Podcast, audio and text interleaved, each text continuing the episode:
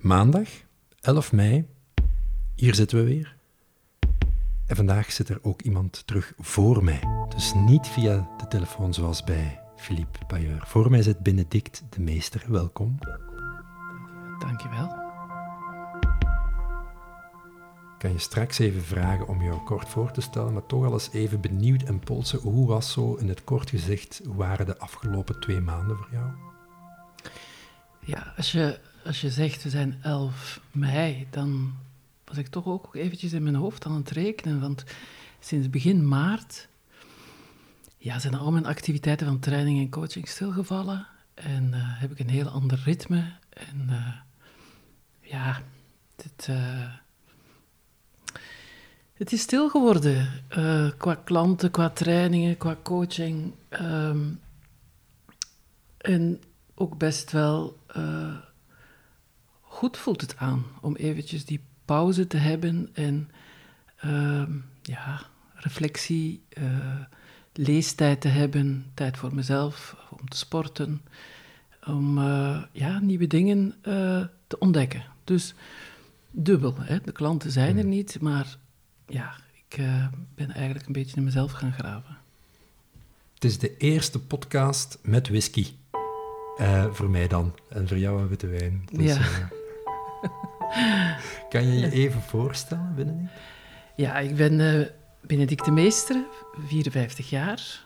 Uh, gisteren, 10 mei, uh, was de datum waarop ik zes jaar officieel zelfstandig ben. Na een loopbaan van 25 jaar in bank en verzekeringen. En ook, ja, ik ben moeder van drie zonen. Uh, en gisteren was de eerste moederdag zonder onze jongste. Want die is uh, acht maanden geleden is die uit het leven gestapt. Dus het was een bijzondere dag gisteren. En ook uh, bijzonder dat ik toen eigenlijk van jou de uitnodiging kreeg om hier te zijn vandaag. Hmm. Dus het ontroerde mij, de uitnodiging. Heb ik jou ook laten weten.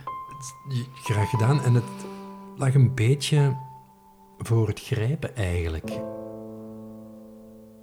omdat wij samen de laatste weken elkaar regelmatig hebben gezien en gehoord, ook voor audioverhalen op te tekenen. Kan je daar iets over vertellen? Ja, ik, um, het was denk ik uh, eind maart dat ik uh, van een klant de vraag kreeg van kan je niet iets schrijven wat ondersteunend is voor onze leidinggevenden in deze coronaperiode. Ze werken allemaal thuis, de contacten lopen anders, lopen digitaal. En omdat ik uh, voor een aantal bedrijven alle leidinggevenden heb mogen trainen, wat een heel groot voorrecht is, van um, twee, drie jaar echt uh, ja, mee te lopen in een bedrijf en mee strategische ondersteuning te kunnen geven aan aan de leiding en aan de leiders. En ik kreeg die vraag en uh, ja, iets schrijven, dacht ik. Ehm, en ik, ik merkte toen bij mezelf dat uh, zelf weinig tot geen sociale contacten hebben, dat dat ook iets met mij deed. En ik kon ook invoelen dat dat misschien ook zo was voor leiders die ja, vooral digitaal met elkaar contact hebben. En toen heb ik aan dat bedrijf voorgesteld, weet je, uh, omdat ik zelf zo stemmen mis, is het misschien geen idee dat, uh, dat uh, wij een podcast maken voor die leiders. En uh, ja, dat bedrijf was direct heel enthousiast. Heb ik jou gecontacteerd en hebben wij uiteindelijk vier, een reeks van vier podcasts gemaakt. Eén met de CEO en drie met, met mij, met ons. Um, en ja, dat was een heel spannende periode, want ja, je maakt zoiets, maar hoe komt dat dan over? Gaan ze daar tevreden over zijn? Dus we hebben er wel veel meer tijd in gestoken dan dat we hadden gepland, maar het was voor mij bijzonder leerrijk om, uh, om dit te doen, maar ook te zien wat het effect kan zijn van een podcast. En de feedback die we dan gekregen hebben van, uh, ja, dat komt precies op een andere laag binnen. Als je, als je vertelt over taal of over wijsheid of over de tijd, uh, thema's die sowieso in trainingen aan bod komen, maar die dan, ja, op deze manier, via onze stem, en, en via jouw muziek erop gezet, toch iets bijzonders zijn. Dus ehm, Ja, het, het is, dat is spannend. ja, ook het was zeker spannend en leuk en voor mij ook in die zin nieuw. Omdat zelf met de Story Club podcast maak ik nu denk ik drie jaar audioverhalen. En door corona ja, kwam deze vraag, kunnen verhalen, audioverhalen, stemmen van mensen vandaag niks doen om verbinding te creëren? En verbinding, denk ik, is ook een topic waarmee binnen jouw trainingen, binnen leadership, waar, ja, een centraal thema. Ja, dat klopt. Klopt. En, eh, de stem, het tempo, de intonatie, eh, dat maakt dat je voorbij de inhoud ook emoties kan horen of voelen. En dat is een ander soort verbinding dan waar het in vergaderingen vaak over gaat en, en waar... Hmm. Dus ehm, dat is ook de feedback die ik kreeg van... eh, en dat was wisselend. Hè? De een vindt deze van tijd bijzonder en de ander van taal. Het, en omdat er ergens iets gezegd wordt in combinatie met stilte en met muziek, wat dan ontroert op een of andere manier. En wat dan. eh, we hebben daar ook een aantal reflectievragen in gestoken, wat dan ook leidt tot, eh, tot, tot verdere reflectie en, en, en iets herkennen in jezelf. En dan ja, met elkaar in dialoog gaan daarover. Dus ik heb ontdekt dat dat een, een bijkomende vorm van leren is, wat heel ondersteunend kan zijn in het proces van training. En, van coaching en, en van informatie die verspreid wordt, van tips en tricks, van hoe doe je dat nu digitaal met elkaar in contact blijven. Dat is ook iets wat men zei, van door digitale gaat men veel vaker direct naar de, naar de inhoud. De small talk, eh, de, de, de pritpraat, bij wijze van spreken, aan de koffieautomaat, dat, eh, dat gaat vaak verloren. Dus met die ervaring denk ik dat, eh, dat naar de toekomst toe, voor bedrijven, dat dat echt een, een troef kan zijn. Om dat mee in te schakelen, zelfs in communicatie naar klanten toe, of het bevragen en beluisteren van klanten, maar ook medewerkers en, en leidinggevenden zelf. Er, ja, het verhaal wordt, wordt beluisterd. En ja, Hmm. wat, het, het verhaal is wat, eh, wat leeft, hè, wat, eh, wat, wat eh, mensen en organisaties in beweging brengt. Want als ik kijk naar wat jij doet bij trainingen binnen leadership, dan komen er wat woorden bij mij naar boven. Verbinding, dat zei ik al, maar ook natuurlijk leiderschap. Authenticiteit. Want de trainingen die je geeft over leiderschap gaat niet allemaal via het hoofd hè, en modellen en even zeggen welk soort van situationeel leiderschap er allemaal bestaat. Het is eigenlijk heel ervaringsgericht. Kan je daar iets over vertellen van waar de essentie ligt in de dingen die je doet met leadership trainingen? Ja. Ehm, er zit eigenlijk ook al iets in de naam van mijn zaak. Mijn zaak heet Be Coach, met ondertitel Be Your Own Coach. Ik geloof dat alles in mensen aanwezig is om, ehm, om, om zichzelf en om, om dingen in beweging te krijgen. En soms zitten mensen vast. En als ik dan eh, kijk naar eh, hoe, hoe ik werk met groepen, dan ga ik er ook van uit dat als wij met een groep van zes, zeven mensen zijn, dat alles wat leadership betreft en leadership wat mensen eh, motiveert en gelukkig maakt, dat dat ook aanwezig is in die groep van mensen. Dus ik zie het eigenlijk als mijn rol om ja, de mensen aan het woord te laten, eh, elkaar te laten beluisteren, eh, via het hoofd, maar vooral ook via het lichaam, de emotie. Echt met elkaar in dialoog te gaan voorbij de inhoud, eh, te luisteren naar wat echt belangrijk is voor de ander, wat een ander ook gevormd heeft. Want op basis van onze ervaringen weten we verdomd goed wat, wat werkt en wat niet werkt bij onszelf. Dus, en dat als referentie gebruiken om, eh, om te leren van elkaar. En ik heb, eh, ja, leiderschap is eigenlijk altijd al mijn dada geweest. Eh, mensen die mij kennen, ook van, van het bankwezen, die weten dat. Hè. Ik werd eh, op een bepaald moment Madame Leadership genoemd. Ehm, omdat, ik, omdat ik geloof dat gelukkige mensen uiteraard ook gelukkige klanten en, en goede resultaten geven. En ik heb het geluk gehad, drie jaar geleden, of is het al vier jaar, een methode te leren kennen, methode Impeccable Leadership, ehm, in een training met eh, Frits Wilmsen, waar ik ehm, helemaal ehm, ja, betoverd is een groot woord, maar toch wel heel erg geïnspireerd werd door, door, door de manier van kijken naar wat er binnenin mensen gebeurt, wat er eh, in groepen gebeurt, wat er in organisaties gebeurt. En dit uh, gebruiken, de biologische, de psychologische en de sociologische ja, gebeurtenissen, omdat we mens zijn, dat gebruiken om te gaan zien van hoe kan ik nu eigenlijk als mens iemand anders meekrijgen in een doelrealisatie. En dus het is geen normatief model, uh, want daar word ik vaak ook wel eens moe van, dat mensen zeggen van je moet dit of je moet dat, en zitten dan een goede leider of een slechte leider. Dat we eigenlijk ons mens zijn en onze ervaring als mens gebruiken uh, om, en onze inzichten die we van nature hebben, om te zien van, ja, wat kan ik doen naar anderen toe om die op een menselijke manier mee te krijgen in een bepaald verhaal, in een bepaalde richting. En um, ja. Mm. Ik, ik vraag me af, als ik zo luister naar je, vanuit die insteek,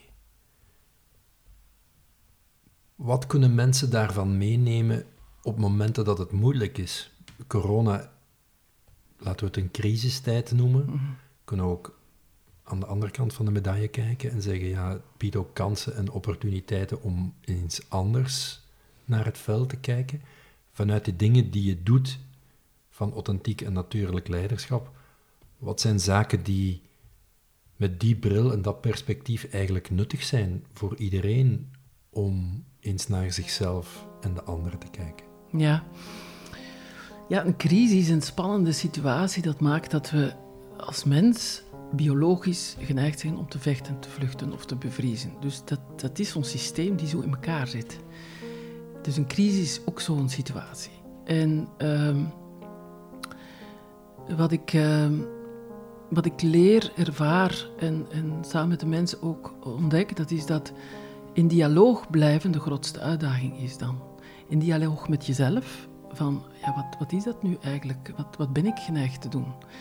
Eh, ga ik mij isoleren? Ga ik angstig worden? En uh, dus ook al accepteren dat die dingen gebeuren en dat die emoties er zijn en dat je dan geneigd bent hmm. om eigenlijk uh, wat reactief te worden en u te isoleren, bij wijze van spreken. Daar bewust van worden en in dialoog ook blijven met anderen, erover praten, dat ehm, contact zoeken uh, maar dan niet alleen over de inhoudelijke dingen, maar ook van hoe is het echt met jou? En waar, waar loop je tegenaan? En wat gaat er wel, wat gaat er niet? Um, er is zoiets in een podcast wat ik aangehaald heb van het ritme van, van thuis en het ritme van de organisatie. Die twee die ja, nu uitdagen om op elkaar afgestemd te worden. En ik had daar iets over gezegd en, um, een, uh, een vrouw van de organisatie belde mij en ze zegt: ik, heb, ik, ben, ik was echt ontroerd dat jij dat thema aanraakte. Dat jij daar op een of andere manier, uh, dat je daar bewust van bent dat dat speelt. En ze, had een pasgeboren, uh, ze heeft een pasgeboren kindje en het is echt helemaal niet evident. Dus door dat thema aan te raken en ja, werd zij op een of andere manier ontroerd, um, dat, voelde zij begrip en, en uh, ja, had ze dat gesprek ook met mij. En ik denk dat dat belangrijk is, dat we elkaar blijven ontmoeten, echt in, ehm, in wat belangrijk is, wat er speelt. Want als we dat niet doen, dan zijn we heel erg bezig met ons flink te houden en de dingen onder tafel te duwen. Dat vraagt ook veel energie om het dan daar niet over te hebben. Je praat makkelijk, hè? En je hebt ook al feedback gehoord van mensen en daar kan ik mij bij aansluiten dat je een heel goede stem hebt om podcasts te maken. Dus dat is altijd heel fijn. Maar ik weet ook van in het proces om die podcast samen te maken voor de klant, dat, dat zichtbaar te zijn en ja, te praten en jouw verhaal te brengen, mm. dat klinkt nu misschien voor de mensen die luisteren. Voilà, dat is Benedict een voeten uit. Maar dat was ook best wel een horde die je over moest. Ja. Ja, um, ja, ik, uh, ik, ik uh, vermoed dat ja, die gevoeligheid voor emoties, voor het non-verbale en ook voor, voor stemmen en zo, dat dat ehm, niet toevallig is dat ik die heb. Hè. In mijn ontwikkelingsproces van kind af aan zijn er ook situaties en dingen gebeurd die maken dat ik daar extra op uitgedaagd ben en dat ik misschien van die, ja, die, die, daar een talent van gemaakt heb om daar. ehm, en ik, ik merk dat. Bedoel je dan dat, je, dat, het, dat het toen niet zo evident was om het woord te nemen of om te praten? Goh, ehm, als, als kind had ik, denk ik, en nog altijd waarschijnlijk, maar een, een, een soort uitbundigheid van heel veel te willen vertellen van wat ik beleefd had en dergelijke meer. En eh, als ik dan thuis kwam, mijn moeder is een hele fijngevoelige, maar ook eh, ja, iemand die, die heel erg emotioneel haar grenzen eh, heeft leren bewaken. En toen kwam ik thuis en dan zei ze van ja, het is goed om te vertellen, maar vijf minuutjes en niet langer. En op, op een of andere manier moest ik heel erg selecteren en is er zo ergens iets, ehm, en dat is raar, dat gebeurt bij kinderen, gebeurt bij iedereen, maar, vooral bij kinderen, dat, dat, je dan, dat ik dat ben gaan omdraaien. Dat ik dacht, ehm, ik, ik kan het eigenlijk niet goed vertellen. Dus van die mogen, van die kunnen. En ik ben eigenlijk heel erg lang verlegen geweest. Spreekbeurten voor school, dat, dat was echt een ramp. En, en, en blozen en, en zweten. En, en ik, ik, ik, ik weet nog het moment, ik was toen 23 jaar, dat ik startte bij die bank. En dat ik eh, nog altijd het gevoel had dat iedereen rondom mij het veel beter kon uitleggen. En... eh, en iemand zei, maar ja, je kunt het toch goed uitleggen? En ik dacht, nee, dat is helemaal niet waar. Dus dat dat eigenlijk zo doorloopt. En ehm, het is, eh, denk ik, ja, 20, 25 jaar geleden... eh, dat ik training begon te geven. Dat was ook best wel spannend om zo voor een, eh, voor een groep te staan. En ik heb stapje per stapje eh, geleerd om heel goed ehm, contact te maken met mezelf en vooral contact met mezelf te blijven houden. En in training helpt het om, eh, om alles te observeren en mee te nemen van wat je voelt, wat je ziet en daarmee dan te werken. Want dat is net de leiderschapstraining. Je werkt met wat er is op dat moment. Dus ik, ik vermoed dat ik daardoor ehm, een, context heb gecreëerd waarin ik mag spreken en stapsgewijs dingen mag onthullen samen met de mensen. Maar dan zo'n podcast maken waar je ineens ehm, meer dan een uur praat en achteraf eh begot niet weet wat heb ik nu allemaal gezegd. En dan ja, heb ik mijn vertrouwen in jou gelegd om daar dan iets van te maken. En dan, ja, het moment dat we dat opsturen en dat, eh, ja, wat gaan ze daar dan van vinden? Het is precies of je staat in de etalage en... Dus dat kwam behoorlijk dicht, ja. Dat vond ik wel heel erg spannend. Ehm, Zo, ja. En, zoals het ook nu spannend is, hè. Want, eh, ja, hebben mensen daar iets aan? Eh, wat, wat doet het met hen? Je ziet ze niet en, en misschien komen daar wel oordelen op van... Ja. Ja, wat zegt hij nu? Ja. Dus dat is het spannende Ja. van... Dat snap ik. En, en ik las net aan tafel, voor je hier was, nog een artikel over, over verhalen. Het was een Engels artikel, waarin stond dat die organisatie ook werkte met de verhalen van elke dag. En dat is het eigenlijk een beetje. Het zijn de kleine anekdotes van elke dag waar veel wijsheid in zit, waar mensen vaak het moeilijkste vinden om inzage te ge- geven in gewoon wie ze zijn en waarvoor ze staan. En dat is denk ik de grootste brug vaak voor mensen om echt gewoon hun persoonlijk verhaal te vertellen en niet per se op zoek te willen gaan naar wat is de grote wijsheid die ik vandaag iemand wil meegeven. Mm. Ik denk dat dat... eh, Ja, dan voel ik nu ineens de stress weggaan. ja. ja, kom, we gaan nog eens drinken. ja, Anders heb ik met een whisky weer niks uitgeschonken. gezondheid. Ja. Je vertelde daar straks, alles is aanwezig vaak ook bij mensen. En in zo'n training probeer je daar ook aansluiting mee te vinden. Kan je iets vertellen over jouw persoonlijk parcours van toch een heel aantal jaren een leidinggevende functie in een bank? Een heel parcours om dan zes jaar geleden te zeggen: nee, ik ga iets anders doen. Ik ga Ja. zelfstandig worden. Dat zat klaar dan? Of hoe moet ik daar naar kijken? Was dat een grote stap of rolde het een uit het andere automatisch verder? Ehm, laat ons zeggen dat dat wel een droom was van mij. Ik, ehm, ik deel mijn leven graag in, in drie periodes. De eerste 23 jaar is eh, studeren. Hè. En ik, ik, eh, ik studeerde echt graag. Ik heb die studies van bedrijfspsychologie echt heel graag gedaan. En dan was dat zo... eh, ja, ik wou eigenlijk zelfstandig worden. En per toeval eh, een aantal toffe mensen op een beurs leren kennen, per toeval. Die zeiden van, kom bij ons, eh, een psycholoog. We hebben er niet zoveel nodig, maar één zou wel goed zijn als we die hebben in een bank. En zo ben ik daar eigenlijk eh, ingerold. En ik dacht, ja, ik ga dat eventjes doen. En dan komt er het moment dat ik zelfstandig word. Mijn vader was zelfstandig en ik keek enorm... Kijk nog altijd enorm op naar hem, hij leeft nog. En eh, dat ondernemerschap, dat, eh, dat vond ik eh, fantastisch. Daar droomde ik van.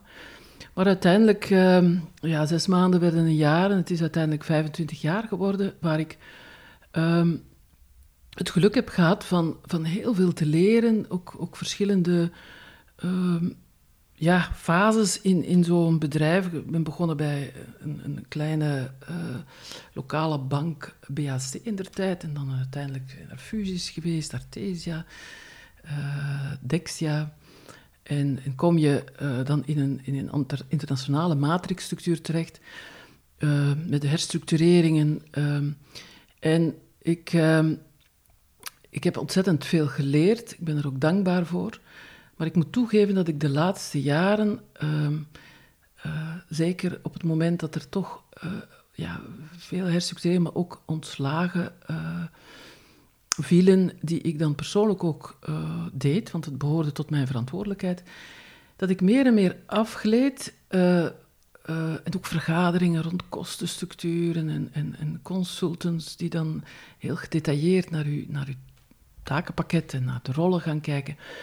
Dus ehm, ik stelde mij wel eens de vraag van wat ik nu aan het doen ben, in hoeverre eh, klopt dit nog met eh, ja, de, de, de motivatie waarom ik bedrijfspsychologie heb gestudeerd. En ik, ik kwam tot de constatatie dat er zo'n paar momenten in de week waren waar ik echt heel erg naar uitkeek. En dat waren dan de coachingsgesprekken, de goede gesprekken, ook eh, de, de, de gesprekken met, met, met de mensen in mijn team. Het was echt een heel mooi team, hele competente mensen. En, eh, dus dat waren de momenten waarop ik, ja, waar ik blij van werd, maar er was ook heel veel bij waar ik eigenlijk niet zo gelukkig meer was. Maar ja, je hebt dan eh, drie studerende kinderen, dus ja, je maakt een aantal rationele overwegingen.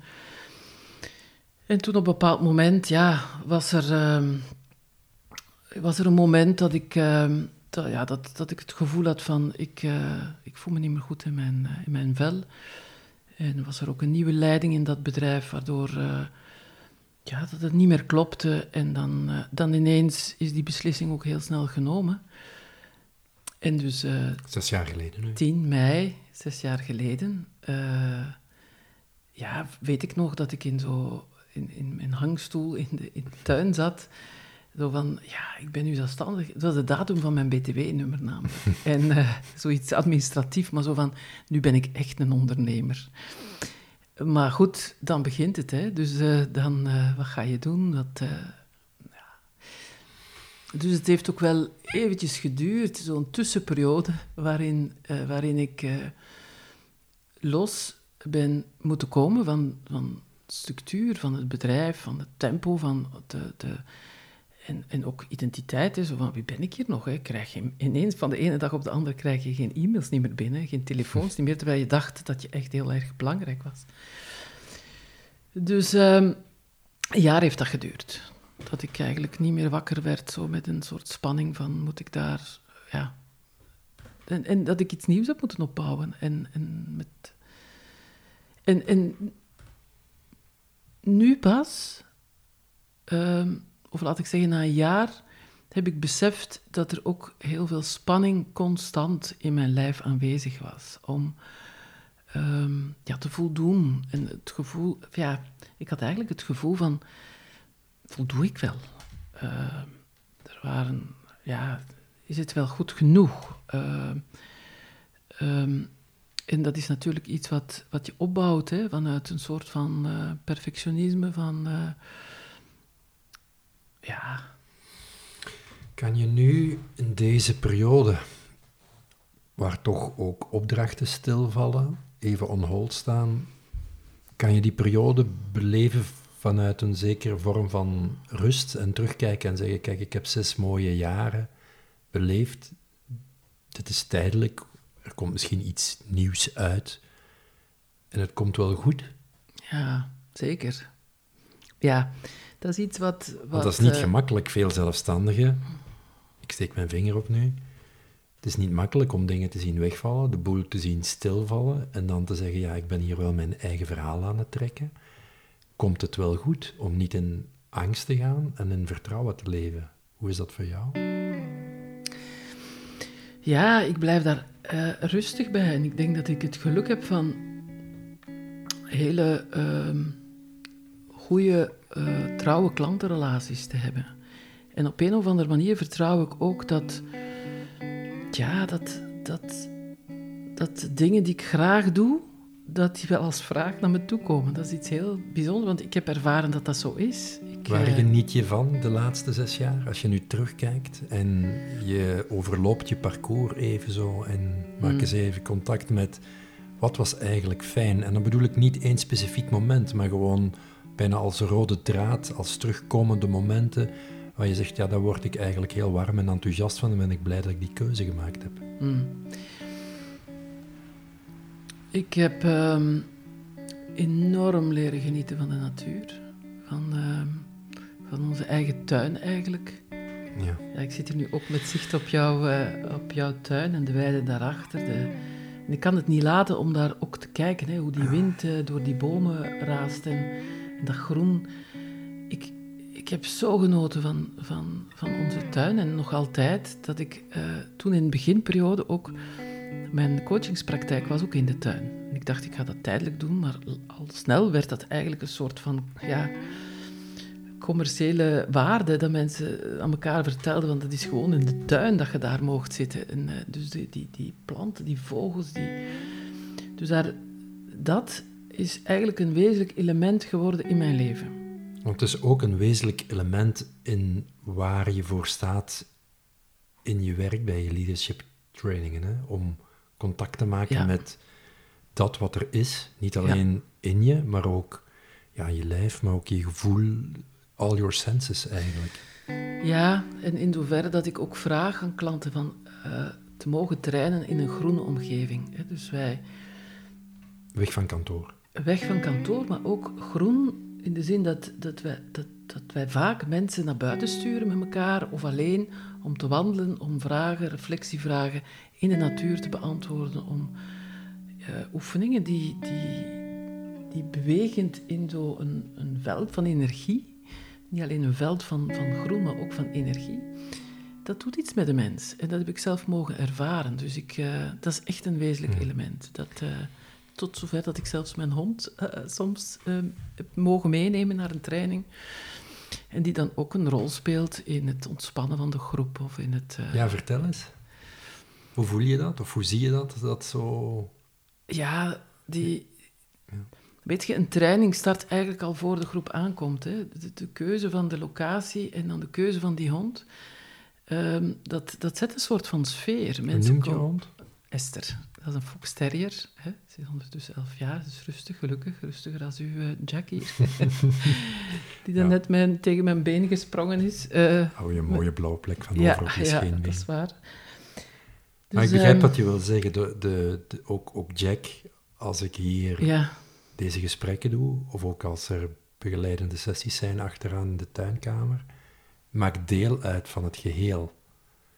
En doordat hij deel uitmaakt van het geheel en niet moet weggezet worden als een vreemd object dat in de weg zit, ontstaat er iets anders. Want dat is wat je ook beschrijft met Esther. Ja, klopt. En jij vertelde mij, voordat we aan de opname begonnen, dat je ook aan Esther kon zien hoe goed de groep ontspannen is. Ja. Kan je daar iets over? Ja, dat klopt. In het begin, ja, mensen strelen naar wat en zo. En uh, er zijn wel eens mensen die, dat vraag ik ook, hè, of, of, of dat zie ik ook vaak, dat, of snel tenminste. Hmm. Als mensen echt een angst hebben, dan hou ik daar wel rekening mee dat ik ze zo wat in de hoek van de kamer hou. Maar als er dan uh, na één dag of, of midden de eerste dag zoal iets ontstaat van verbinding tussen, tussen de deelnemers, dan zie ik ook dat Esther zich in de cirkel gaat zetten. En dat ze ook van de een naar de ander zo wat gaat snuffelen en om uh, streeltjes vragen. Maar er is ook wel eens een training geweest uh, van een team waar het heel moeilijk liep. En dan zie ik ook dat Esther niet in die kring komt. En uh, dat, is, dat, is, dat is mooi om te zien. Ik zie ook hoe ze ontspant na zo'n twee dagen en een half training. Als ze dan thuis komt en echt gaat rennen in de tuin om een soort van spanning uit haar lijf te krijgen. Dus het is alsof ik een co-trainer mee heb. Um, en het ontspant mij natuurlijk ook door, door haar te strelen. Er is eigenlijk, eh, bedoel, is voor iedereen goed. En ze zit niet, niet mee, als co-trainer zit ze niet mee in de offerte. Dus nee, uh... nee, nee, nee. Maar ik doe het ook niet altijd. Nee. Dat, is, dat moet passen. Uh, en ik heb uh, het geluk gehad dat het voor een bedrijf dat het helemaal oké okay was. We delen ook een passie om boeken te kopen. Ja. We lezen ook. Ja. Um, we browsen erdoor. Ik heb je de laatste weken wat beter leren kennen, dus ook kunnen vaststellen dat we heel veel gelijkaardige boeken hebben in onze, in onze kast. The Hero's Journey is een van mijn favorieten, maar ik leerde ook een auteur kennen die ik niet kende, maar het werk voelde aan alsof ik het al heel mijn leven kende via jou. En je hebt daar een training bij gevolgd. Um, help me eens even met de naam. Je hebt, Joseph Jaworski. Ja, ja, ja nee, ik zoek nog iemand anders. Je hebt dan Dils en dan... Stephen Gulligan. Gulligan, ja. ja. Die jij ontmoet hebt en een training gevolgd hebt. Dat klopt, kan je iets vertellen over zijn gedachtegoed? Waar waar gaat dat over? Want hij is een van de mensen die NLP gestudeerd heeft, die met taal werkt, met het diepere veld, omschrijf ik het maar even gemakkelijk, met het, niet alleen het verstandelijke, maar ook met de emoties. Um, ja. Hoe zou je het zelf omschrijven? Ik zoek mijn woorden, merk ik. Ja, het is... Uh, ja, hij, uh, hij spreekt over generative coaching. Hè? En... Uh, en um, wat, ik, wat ik geleerd heb en, en um, ja, inspirerend vind, dat is dat, en het werkt ook bij uh, 70% van, van de mensen in coaching en in training, dat is dat um, hij beroep doet uh, op uh, drie bronnen van wijsheid. Een eerste bron van wijsheid is het cognitieve, denken, de plannen die we maken, het het onder woorden brengen ook van, van dingen, dat is het cognitieve. En uh, gedurende ons leven uh, slaan we eigenlijk heel veel informatie op in ons lijf, in ons lichaam. Uh, informatie waar we niet meer echt bewust van zijn. reacties op situaties, ook wanneer, wanneer er blokkades zijn, wanneer er weerstand is. Dat is informatie die er door gebeurtenissen, door hoe we wat, wat gelukt is, wat geholpen heeft in een situatie of wat mislukt is in een situatie, dat we een soort van ja, automatische reacties hebben ontwikkeld. En dat zit in het lijf. En voor je het weet blokkeert dat uh, je dromen en je, je, je doelen. Um, en daar uh, coacht hij op. Hè. In, deze, in deze aanpak wordt, daar, wordt het meegenomen als een bron van informatie in de zin dat hij meeneemt van wat gebeurt er in je lijf, waar voel je dat, maar ook welke informatie geeft dat dan, die, dat gevoel. Het is een soort van dialoog inwendig in jou zelf, uh, vanuit de gedachte dat alles er mag zijn, want alles heeft zijn boodschap, zijn wijsheid. Het feit dat je iets hebt opgebouwd wat, wat moeilijk aanvoelt in je lijf, dat heeft een betekenis. Dat wil jou tegen iets beschermen. Dus hij neemt dat mee in zijn coaching. Dat is de tweede bron van wijsheid. En de derde bron van wijsheid is, ja, en hij noemt dat het veld, de wijsheid die er is uh, rondom ons, informatie die toegankelijk is als je als je je openstelt voor uh, intuïtie, uh, ja, niet geziene informatie. En, uh, en daar werkt hij ook mee. Dus hij spreekt dan over een, een, een coach state, hè, waar zowel de, de, de coachie als de trainer eigenlijk in een soort van. Ja, trance is een groot woord, maar daar komt mm. het eigenlijk wel op neer. Dat je eigenlijk in een soort van alfa-stade van de hersenen komt, waardoor waardoor je meer toegang hebt tot die bronnen van wijsheid. En um, dit, dit zijn, ja, Jaworski bijvoorbeeld, heb ik ook een training rondgevolgd vorige week. Dat is, uh, ja, die, die David Boom is bijvoorbeeld uh, iemand die Jaworski uh, kent. Dus Jaworski heeft boeken geschreven over de oorsprong en de bron en innerlijk leiderschap. ook ook ja, de kracht van synchroniciteit of de betekenis van synchroniciteit en het, het vanuit de stilte die je creëert dagelijks ook toegang krijgt tot dingen die gebeuren, die samenloop van omstandigheden of kleine signalen die je krijgt, die je, die je dan erkent en zegt van tja, dat is interessant, daar ga ik toch iets mee doen. Het inzicht als je wakker wordt, uh, waarmee je opstaat, je zegt van tja, dat is interessant, daar ga ik toch iets mee doen. En wat, wat mooi was in die training van Jaworski, dat is dat... Ehm, dat wat hij vertelt, dat ook ondersteund wordt door metafysica. Hmm. En, en, David Boom heeft daar boeken over geschreven die heel erg moeilijk zijn, uh, maar die, uh, ja, die, die aantonen dat daar, dat daar meer is, hè, dat, er, ehm, ja, dat er ook informatie is die we niet cognitief opslaan of weten. Ik, ik ben blij dat jij het hebt uitgelegd en niet ik. Ik zou het zo mooi niet gezegd krijgen. Maar de link is heel groot.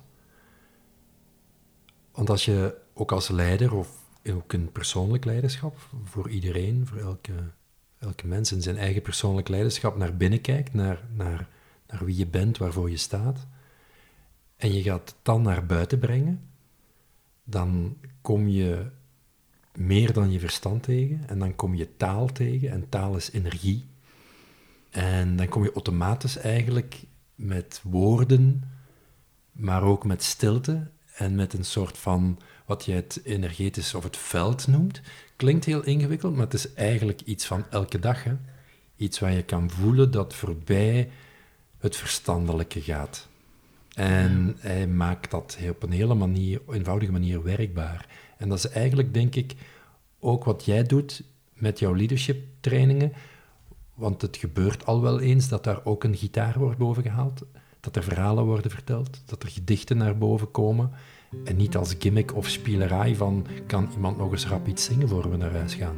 Maar als onderdeel eigenlijk van het ontwikkelingsproces. Daar kom je denk ik letterlijk tegen. Ja.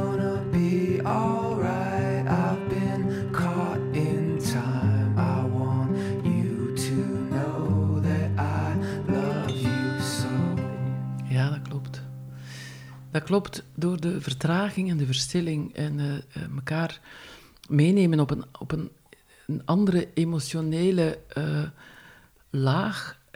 door het vertellen van de verhalen herkennen mensen stukken bij zichzelf en creëren een soort van collectieve bron die er dan is. En als mensen dat voelen, dan, dan komt er creativiteit los. En uh, krijg je dat soort zaken waar ze spontaan dan iets gaan maken, zingen. Ja, je wordt een stuk authentiek, authentiek jezelf. Hè? En hoe zalig is het, of zou het zijn, als in bedrijven dat, dat kan? Ik noem het wel eens liefde in bedrijven blazen. Hmm. Um, omdat er ineens zoveel meer mogelijk is. Ja, en het is, het is ook een taal die vandaag makkelijker mogelijk is. Hè? Liefde in bedrijven blazen. Twintig jaar geleden was dat toch een zin geweest waar sommige mensen jou hadden weggezet als flower power. Gebeurt dat vandaag nog dat ze jou in die categorie zetten? Of kan je toch vrij makkelijk daarmee contact maken naar een doelstelling? Ik denk het wel. Hè. Ik heb wel eens iemand gehad die, ehm, eh, van een directiecomité die zei: Ja, ik dacht dat dat gaat Flower Power zijn, want we zaten in een kring en tegen de middag belden ze naar de CEO om te zeggen: van, Het is helemaal geen Flower Mm. Power.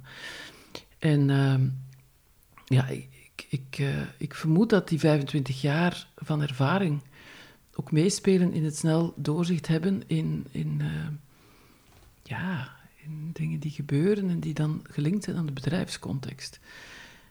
Eh, Maar het grotere bedrijf, dat laat ik altijd tot de laatste halve dag. Hè. We, we werken met wat er is op dat moment. En ja, liefde in het bedrijf blazen, ik heb dat lang voor mezelf gehouden, dat ik dacht, ja, dat doe ik eigenlijk. En, en dan heimelijk eh, toch heel erg gelukkig zijn met het feit dat ik dat kan. Het is een mooie evolutie van de koningin van leadership naar eh, de liefde in bedrijvenblazer. Ja, Hoor ik Ja. dat laatste liever? Ja, en er was, was, was iemand die, ik denk dat het Luc Lemire was, die, eh, die, die ook een leiderschapstrainer is en die ik tegenkwam. Ehm, Hartfrequentie. Is dat eh, hij niet die eh, ook met hartfrequentie bezig is? het zou kunnen, want ik, ik ken hem eigenlijk ook ja, via via, maar ik kwam eens tegen. Ik zei, eindelijk ontmoeten we elkaar een keer live. En hij zei, waar ben je eigenlijk mee bezig? En ik zei, liefde in bedrijven blazen. en hij zei, ja, Benedict, ik vind dat zo mooi. Eigenlijk moet je dat gewoon, eh, moet je dat gewoon eh, op je profiel zetten. En toen, eh, ja, het is eigenlijk jaren geleden, denk ik, want toen heb ik gezegd, nu ben ik vijf jaar zelfstandig, ook op 10 mei. en ik blaas liefde in bedrijven. Met een hartje erbij op LinkedIn. En eh, ja, heb ik toch wel best fijne reacties op gekregen. Had je dat kunnen voorstellen dat je zes jaar geleden dacht, ik word zelfstandige en ik zet liefde in bedrijvenblazen op mijn kaartje? Nee, nee, nee, nee, nee, nee. Helemaal niet. Nee, daar ben ik echt wel heel erg gelukkig om. We zitten nu.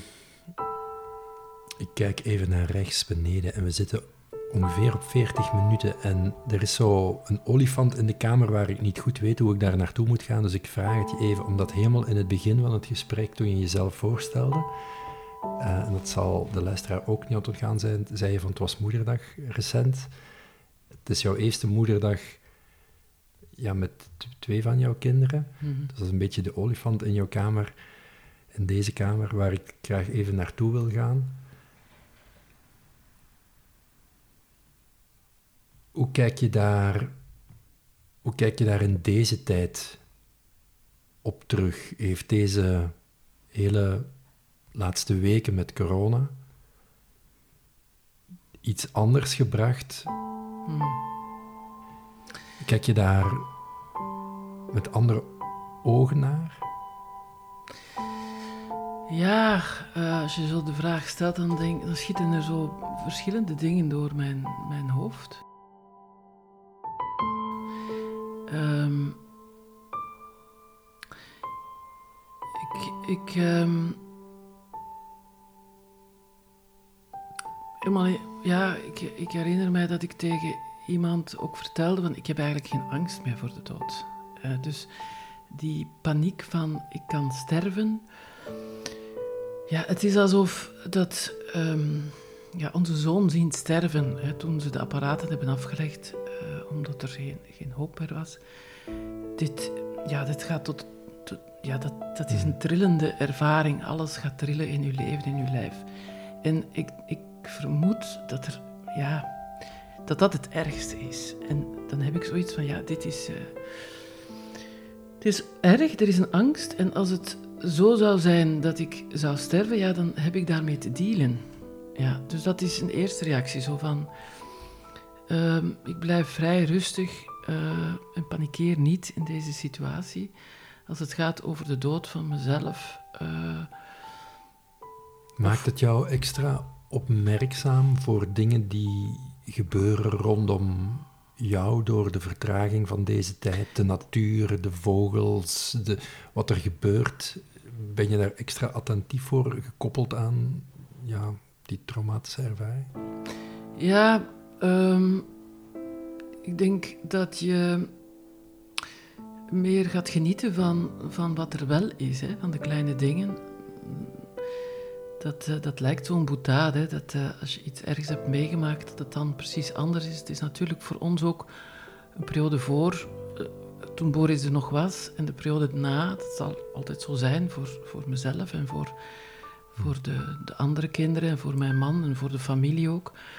Maar het, ehm, ik ben, ik ben dankbaar dat ik hem 22 jaar heb mogen kennen. Dat was een fijne, hele fijne, gevoelige kerel.